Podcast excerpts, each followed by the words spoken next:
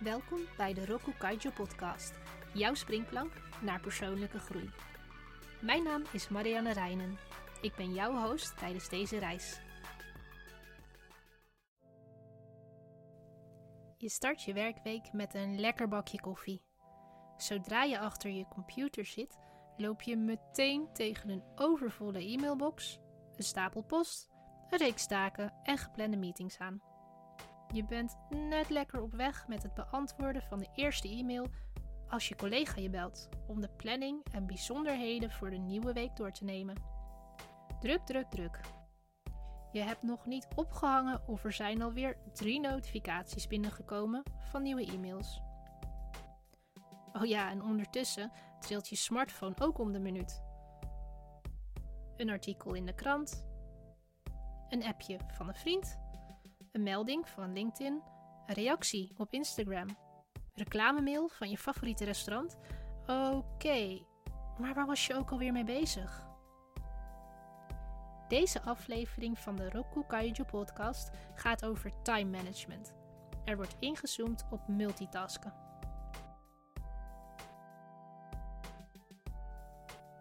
The American Psychological Association stelt dat enkele decennia van cognitieve wetenschap en ook meer recente studies over multitasken laten zien dat multitaskers minder doen en informatie over het hoofd zien. Studies wijzen uit dat het gemiddeld 15 minuten duurt om weer volledig gefocust te zijn op je laatste taak na afleiding. Efficiëntie zou zelfs kunnen afnemen met zo'n 40%. Dit alles heeft een negatieve invloed op zowel het lange termijn geheugen als op creativiteit. Het geslacht lijkt erbij niet uit te maken. Onderzoek uit 2018 laat zien dat vrouwen en mannen even goed zijn, of zo je wilt, even slecht zijn, in multitasken. Paul Edgley, professor aan de Universiteit van Zuid-Florida, schreef in de Harvard Business Review dat multitasken niet bestaat. In elk geval niet op de manier hoe wij het voor ogen hebben. In plaats daarvan switchtasken we. Wij schakelen tussen taken. Ons brein kiest welke informatie er verwerkt wordt. In een tijdperk waarin zoveel informatie voor ons beschikbaar is, en als het even kan, ook ongevraagd aan ons gepresenteerd wordt, is een belangrijke vraag: hoe gaan we te werk? Ashley beschrijft in zijn artikel drie opties. 1. Probeer je te focussen op één taak per keer tot het is afgerond.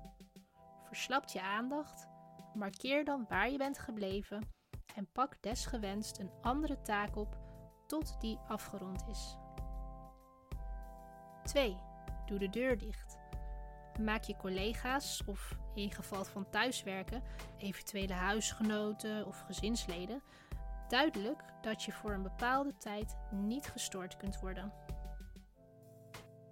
3. Erken dat niet alle informatie waardevol of bruikbaar is.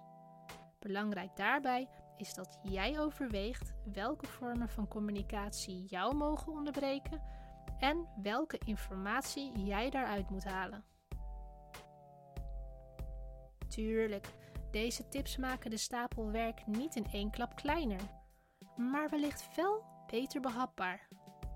Een opsteker voor ons digitale tijdperk, je kunt ook digitaal de deur dicht doen.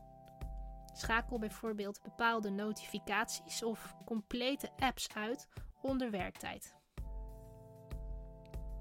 Roku Kaijo's weektip. Structureer je e-mailbox. Probeer de e-mails die minder dan 2 minuten van je tijd kosten, zoveel als mogelijk aan het begin van de werkdag te beantwoorden.